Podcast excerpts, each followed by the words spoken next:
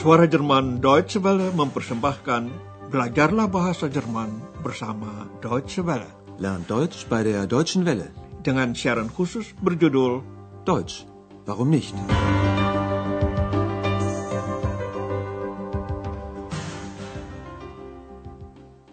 Saudara pendengar, dalam pelajaran 15 dari seri 4, hari ini Anda ikuti reportase mengenai Sachsen, negara bagian yang baru sejak tahun 1990 termasuk di dalam wilayah Republik Federal Jerman.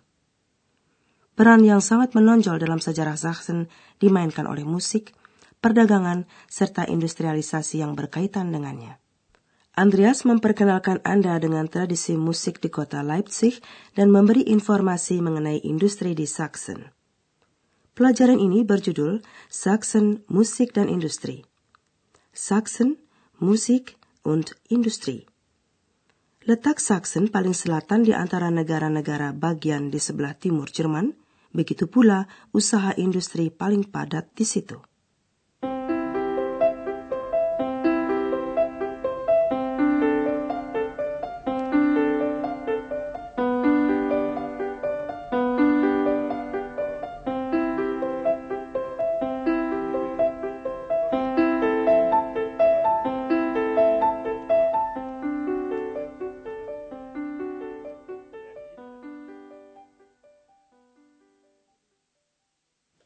Dari dahulu sampai sekarang, seni musik memegang peranan yang sangat penting di Sachsen.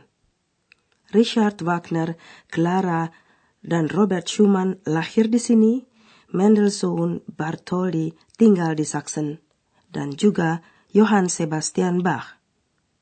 Nama Bach yang menjadikan kota Leipzig termasyur pada abad ke-18. Selama 27 tahun, Bach memimpin paduan suara gereja, Kirchenchor di kota ini. Tentu saja, musik kubahan Johann Sebastian Bach masih dipergelarkan pada zaman sekarang juga. Andreas ingin merunut kehidupan musik di Leipzig. Dengarkan ceritanya.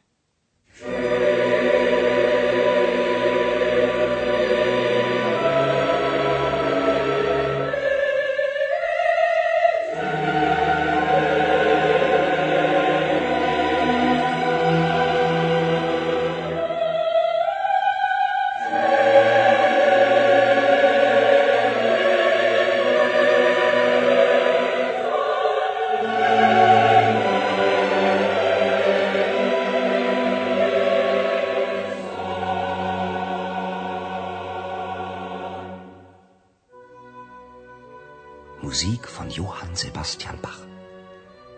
Johann Sebastian Bach war ein großer Musiker. Ich bin heute in der Thomaskirche in Leipzig. Hier leitete Johann Sebastian Bach den Kirchenchor von 1723 bis zu seinem Tod. 27 Jahre. Und auch heute noch erinnert hier vieles an Johann Sebastian Bach. In der Thomaskirche kann man jede Woche Musik von ihm hören. Und man kann sein Grab ansehen oder draußen vor der Kirche ein großes Johann Sebastian Bach Denkmal. Musik hatte eine große Tradition in der Bach-Familie und Johann Sebastian Bach setzte sie fort. Er hatte viele Kinder, elf Söhne und neun Töchter. Einige Söhne wurden auch bekannte Komponisten. Und um die vielen Musiker aus der Bach-Familie zu unterscheiden, nennt man sie immer mit ihrem Vornamen.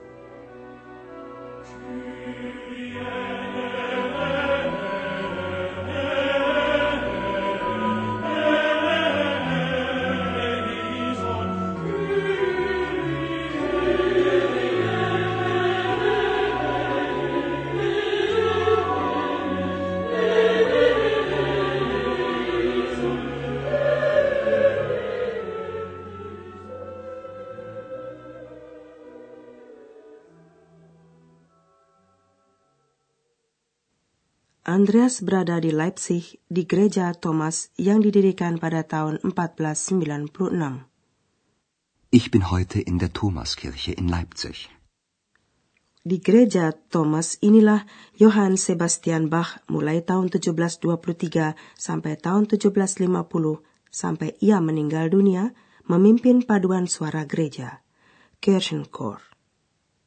Hier leitete Johann Sebastian Bach den Kirchenchor von 1723 bis zu seinem Tod. 27 Jahre. Kenangan akan Johann Sebastian Bach masih terpelihara sampai sekarang. Und auch heute noch erinnert hier vieles an Johann Sebastian Bach. Tiap minggu diadakan pagelaran musik gubahan Bach di gereja Thomas. In der Thomaskirche kann man jede Woche Musik von ihm hören. Di samping itu ada kenangan bersifat kebendaan. Makam Johann Sebastian Bach di dalam gereja Thomas dan sebuah patung Bach di depannya.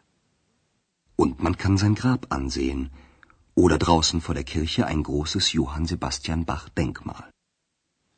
Johann Sebastian Bach berasal dari keluarga pemusik terkenal. Seni musik berakar dalam tradisi keluarga Bach. Musik hatte eine große Tradition in der Bach-Familie. Tradisi tersebut dilanjutkan oleh Johann Sebastian Bach. Und Johann Sebastian Bach setzte sie fort. Di satu pihak, dengan menjadi ayah bagi banyak anak, sebelas putra dan sembilan putri. Er hatte viele Kinder, elf Söhne und neun Töchter. Di lain pihak, sebagai pemusik pula, sebab beberapa orang di antara anak laki-laki Johann Sebastian Bach menjadi komponis. Komponisten, kondang. Sayang mengenai anak-anak perempuannya tidak diberitakan hal itu. Einige Söhne wurden auch bekannte Komponisten. Dalam pagelaran musik ciptaan Bach selalu disebutkan nama depan komponis supaya anggota keluarga pemusik ini dapat dibedakan. Unterscheiden. Und um die vielen Musiker aus der Bach-Familie zu unterscheiden, nennt man sie immer mit ihrem Vornamen. Paduan suara Bach masih ada sampai sekarang. Beberapa seniman yang semula dididik sebagai anggota paduan suara Bach di Leipzig itu kemudian menempuh jalan lain. Umpamanya, kelompok musik di Princeton dari Leipzig. Setelah terjadinya pergantian di Jerman, lagu-lagu mereka meraih sukses besar. Dengarkan salah satu lagunya, sementara itu Andreas melanjutkan perjalanan ke kota industri Chemnitz. Ich wär mit dir so gerne abgehauen. Nur wir beide ganz allein. Doch das war leider nur ein schöner Traum.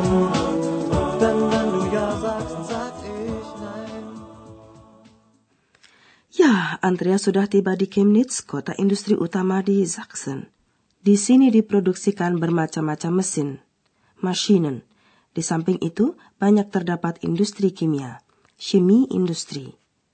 Memang terasa sekali hawanya tidak enak. Ich bin in Chemnitz, der Industriemetropole von Sachsen. Hier werden Maschinen gebaut. Alle möglichen Maschinen. Für die Landwirtschaft, Lokomotiven und Waggons für die Eisenbahn. Sogar Fahrräder werden gebaut. Auch Chemieindustrie gibt es hier. Das sind wichtige Arbeitsplätze. Aber die Luft ist schlecht. Man riecht die Industrieabgase. Ich fahre weiter. In ein kleines Städtchen. Andreas memberitahu di mana ia berada sekarang. Di Chemnitz, kota industri utama di Sachsen. Ich bin in Chemnitz, der Industriemetropole von Sachsen.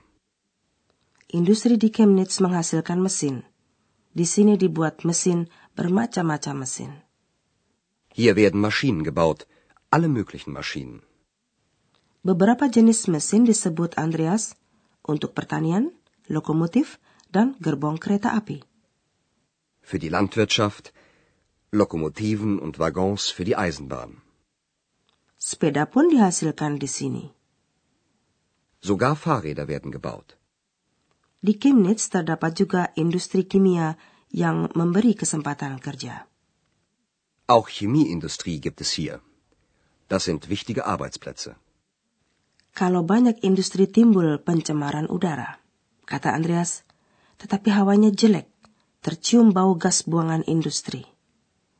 Aber die Luft ist schlecht. Man riecht die Industrieabgase. Maka Andreas melanjutkan perjalanan ke sebuah kota kecil. Ich fahre weiter in ein kleines Städtchen. Sebagai daerah industri, Sachsen sejak abad pertengahan sudah menjadi negara kaya. Sudah pada abad ke-12 dan sampai sekarang. Dari gunung-gunungnya diambil bahan baku berharga, perak, timah, besi, dan terakhir uranium yang berbahaya itu.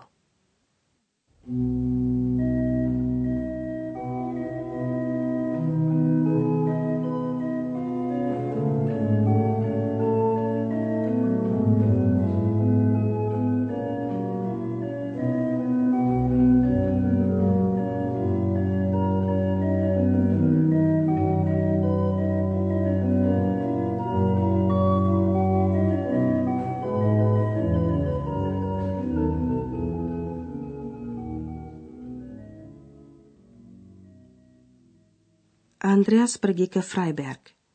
Sejak abad ke-12, di sekitar kota ini ditambang perak, silber. Dengarkan berita Andreas mengenai perak itu. Silber wurde hier schon im 12. Jahrhundert gefunden und machte Freiberg und Sachsen sehr reich. So reich, dass man in Freiberg einen Dom baute. Und im Dom von Freiberg steht eine sehr berühmte Orgel. Die Stadt war reich, die Arbeiter nicht. Der Abbau von Silber war eine sehr harte Arbeit und wurde schlecht bezahlt. Viele Bergarbeiter mussten sich eine zweite Arbeit suchen. Sudah pada abad ke-12 ditemukan perak di Freiberg. Berkat perak itulah kota Freiberg dan negara Sachsen menjadi kaya. Silber wurde hier schon im 12. Jahrhundert gefunden und machte Freiberg und Sachsen sehr reich. Kekayaan itu dipergunakan di Freiberg untuk membangun gereja katedral dan sebuah orgel. Orgel yang termasyur. So reich, dass man in Freiberg einen Dom baute. Und im Dom von Freiberg steht eine sehr berühmte Orgel. Seniman yang membangun orgel tersebut bernama Zilberman. Dapat disimpulkan bahwa nenek moyangnya adalah pekerja tambang perak. Pekerjaan itu berat sekali.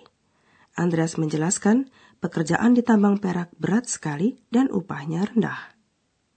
Der Abbau von Silber war eine sehr harte Arbeit und wurde schlecht bezahlt. Banyak pekerja tambang terpaksa mencari pekerjaan sambilan untuk menambah pendapatan. Viele Bergarbeiter mussten sich eine zweite Arbeit suchen. Pekerjaan kedua ini berupa kerajinan tangan, membuat renda atau mengukir kayu. Hasil kedua kerajinan itu kemudian menjadi terkenal di seluruh dunia.